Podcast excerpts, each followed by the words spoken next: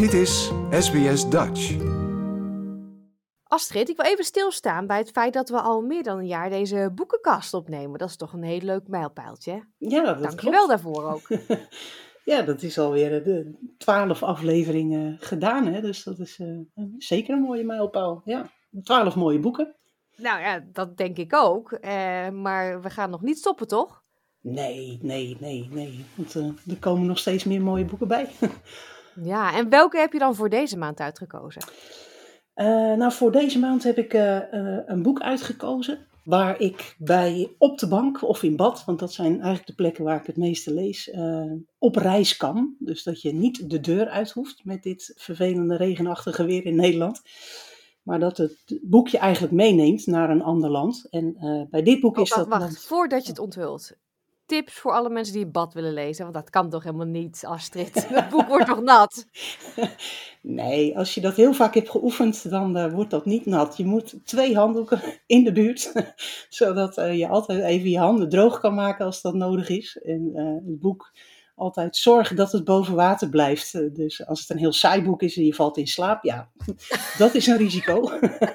maar dat is met dit boek niet gebeurd, gelukkig. Ah, oké, oké. Okay. Nou ja, dan laat ik je nu onthullen welk boek het ja, is.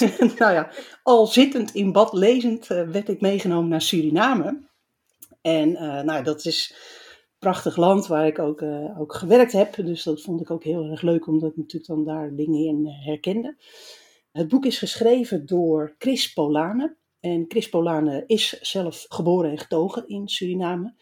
Kwam op zijn twintigste naar Nederland om uh, daar te studeren. En is sindsdien wel eens terug geweest en wel weer terug in Nederland. Uh, maar nu is hij al heel lang, heeft hij zich gevestigd in de Bijlmer in Amsterdam, waar hij dierenarts is.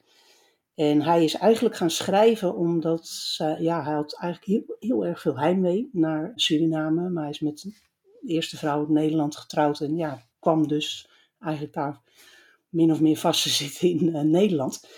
En dat hielp hem, hoorde ik laatst in het programma Kunststof waar hij te gast was. En uh, hij is daarom dus ook eerst verhalen gaan schrijven. En uh, in 2017 debuteerde hij met een roman Waterjager. En het boek dat ik vandaag wil bespreken, dat is vorig jaar verschenen. Dus een jaar geleden. En dat boek heet dus Centaur. En het verhaal in dat boek gaat over ook een 20-jarige jongen. En uh, die heet Guillaume, maar die wordt in het boek uh, wordt die Gilly genoemd. En die jongen die studeert aan de Anton de Kom Universiteit uh, dierengeneeskunde in Suriname. Maar omdat ja, in Suriname het zo instabiel is, worden er al heel lang geen colleges gegeven. Dus het enige wat hij doet voor zijn studie is dat hij bij een laboratorium-experiment met fruitvliegjes betrokken is. Maar ja, daar hoeft hij niet zo heel veel mee te doen. Dus daarna werkt hij ook op een uh, manege. Daar geeft hij paardrijles. En bereidt hij zelf Norbert. En uh, Norbert is een heel speciaal paard. Komt uit Nederland. Een vrij groot paard uh, in vergelijking met de andere paarden in Suriname. En de eigenaar van dat paard, dat is ook de eigenaar van de manege en ook een dierenarts, dat is Roy. En Roy is eigenlijk heel belangrijk in zijn leven, want Gilly woont alleen met zijn moeder. Want zijn moeder heeft uh, psychologie gestudeerd maar in Nederland, maar is ook weer teruggekomen naar Suriname. Kwam daar toen Pieter tegen, dat is de biologische vader van Guillaume.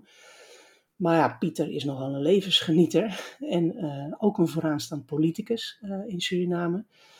En ja, die relatie tussen zijn biologische vader Pieter en de moeder heeft niet lang stand gehouden. Dus Guillaume wordt door zijn moeder opgevoed waardoor hij ook wel ja, behoefte heeft aan een vaderfiguur. En dat is Roy ook uh, zeker voor hem. Nou ja, op die manege werkt eigenlijk uh, Guillaume toe naar een springwedstrijd. Daar gaat hij aan deelnemen met Norbert. En voor hem hangt er heel veel van die wedstrijd af, want hij heeft dus het plan opgevat dat als hij dat, die wedstrijd wint, dan kan hij met dat prijzengeld naar Nederland. Dan kan hij daar bij familie gaan wonen en kan hij daar diergeneeskunde gaan studeren. Want dat schiet in Paramaribo dus niet zo op. Nou, dat is eigenlijk heel mooi, want dat, die wedstrijd, dat is het ding in het boek. En uh, er wordt ook letterlijk afgeteld in de hoofdstukken. Dus zoveel dagen voor de wedstrijd. En het volgende hoofdstuk uh, is dan weer een dag later. En uh, nou ja, je ziet dan Guillaume volg je in die voorbereiding naar de wedstrijd toe. En nou ja, als hij zich natuurlijk helemaal had kunnen focussen, dan had dat natuurlijk uh, de meest ideale voorbereiding geweest. Maar er gebeurt nogal wat in zijn leven, in die periode voor die wedstrijd. Zo komt hij ook een uh, jongen tegen.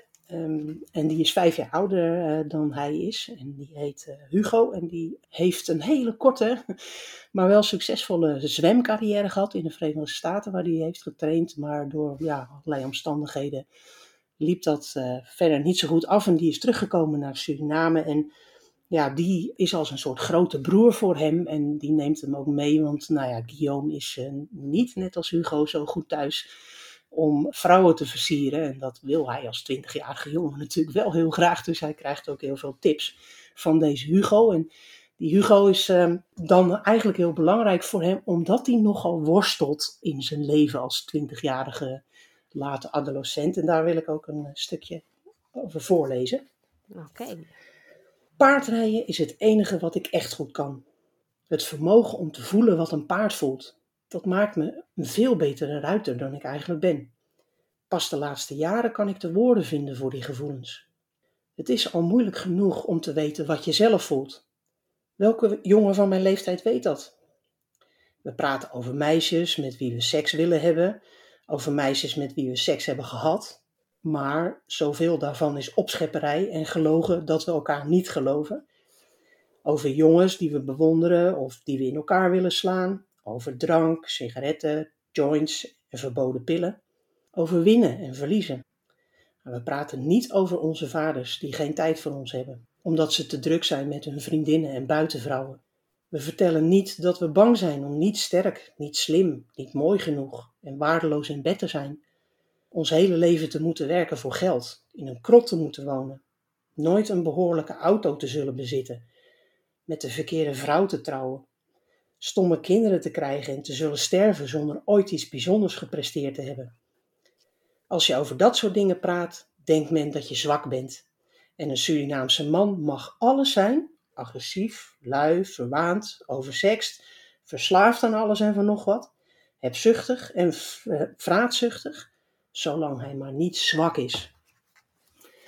Nou, dit is dan een beetje het beeld van een worstelende Guillaume. En uh, nou ja, van Hugo krijgt hij uh, tips uh, hoe hij dan vooral daarmee om moet gaan. Maar er gebeurt ook nog iets anders. Um, de huidige vriendin van zijn biologische vader die neemt contact met hem op. En eh, die vertelt dat zijn vader in de gevangenis is gekomen.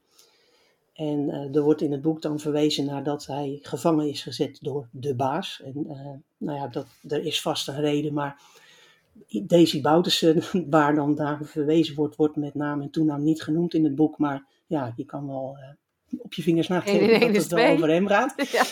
En uh, nou ja, die vader is natuurlijk ook een oppositieleider. En uh, ja, het zal zo kunnen zijn natuurlijk dat hij te invloedrijk is. En dat vindt de baas natuurlijk niet goed. Nou ja, die vriendin vraagt of hij dan toch naar de gevangenis wil, om, want zijn vader wil hem zo graag zien en met hem praten. Dat doet hij. Ehm, dat verbaasde mij best in het boek, want nou ja, hij heeft daarvoor niet zulke hele vriendelijke dingen over zijn vader gezegd. Uh, maar dat komt vast voort omdat hij hem natuurlijk hè, als vader heeft gemist. En uh, nou, dat is eigenlijk heel mooi in het boek, omdat het dan, hij gaat dan naar de gevangenis wel een paar keer. En daar komen best wel hele mooie gesprekken tot stand uh, met zijn vader. Dus dat wordt ook een beetje tegenover gezet van wat, het advies dat hij van Hugo krijgt en het advies wat hij van zijn vader ook krijgt. Dus dat lijkt allemaal de goede kant op te gaan. Maar als de wedstrijd dan wat dichterbij komt, uh, dan allereerst uh, overlijdt Hugo. Die uh, blijkt kanker te hebben en vrij snel overlijdt hij ook. En zijn vader wordt zwaar mishandeld in de gevangenis. Um, en die komt dan ook in het hospitaal terecht. En tot overmaat van ramp leert hij ook nog een Nederlands meisje kennen, een stagiair vanuit Nederland, die daar haar laatste dag is waar hij echt tot over zijn oren verliefd op wordt. En dat komt eigenlijk omdat ze de laatste avond dat ze daar is, dat meisje heet Maaike, hebben ze een hele mooie, bijzondere ervaring met elkaar, s'nachts, midden in de nacht, op de manege. Dat stukje dat, uh, wil ik ook uh, graag uh, voorlezen. Ja. En dat stukje dat begint bij Maaike, dus dat is de Nederlandse stagiair die de volgende dag naar huis moet. Toen ik reed, kwam mijn verdriet los, zegt ze. Het heeft al die tijd opgekropt gezeten. als een steen in mijn borst. Maar op het moment dat ik op Norbert zat, ging het stromen. Verdriet om mijn ex, verdriet omdat ik terug moet naar Nederland, verdriet omdat ik hier zo ongelukkig ben geweest. En weet je, het stroomde weg, via Norbert. Dat klinkt gek, hè? Nee, als ik op Norbert rij, voel ik dingen die hij voelt en denkt. Echt waar? Ja. Ik denk aan Hugo's woorden. Gilly, zoals vaker heb je goud in handen, maar je weet het zelf niet. Vrouwen houden van paarden en van spiritualiteit, wat dat dan ook precies mag zijn. En ze houden van gevoelige mannen. Jij bent alles in één, de jackpot. Doe niet zo geheimzinnig. Vertel ze al die gekke shit die je mij niet vertelt, omdat je weet dat ik je dan keihard ga uitlachen. Vertel het ze. Je hebt niets te verliezen en heel veel te winnen. Vooruit dan maar, ik doe het. Nadat jij Norbert een zoen op zijn neus gaf, raakte ik hem aan en ik voelde jou, jouw pijn. Ik voel het nu nog steeds. Ze kijkt me met grote ogen aan. Weet je wat het ergste is hier, Jilly? De ogen van mannen. Altijd en overal. Hoe ze kijken naar mijn borsten, mijn billen, mijn benen. Jongens, vaders met kinderen, politieagenten, artsen. Altijd die lust. Ben je beneden ook zo blond? Weet je hoe vaak ik dat heb gehoord, Jilly? Werd er ziek van, ziek van die geilheid. Terwijl ik zo graag van dit land zou willen houden. En van de mensen. Kan je het begrijpen, Jilly? Ik had niet gedacht dat ik dit ooit nog aan een Surinaamse man zou vertellen. Zeker niet op de laatste avond. Oh shit, haar woorden activeerden de pijn. Die zakt naar beneden en laat mijn maag samentrekken. Ik krimp ineen. Maaike kijkt bezorgd. Maar jij hoeft je niet schuldig te voelen hoor, Julie. Ik zag direct dat jij anders was.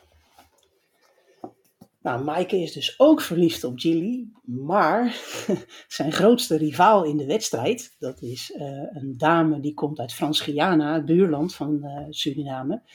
Louise heet zij. En nou ja, het zal een beetje in de wedstrijd tussen haar en Gilly gaan die vond hij dat jaar ervoor in de wedstrijd ook al heel leuk. En die blijkt nu ook wel iets te voelen voor Gilly. dus daar waar Gilly nog nooit de aandacht van vrouwen kon krijgen, heeft hij nu ineens de aandacht van twee vrouwen. Waar hij zich dan ook wel weer een beetje schuldig over voelt. En tot overmaat van ramp komt ook nog eens een zoon, een jonge hengst, de zoon van Norbert. Die komt ineens boven water en die gaat ook meedoen aan de wedstrijd.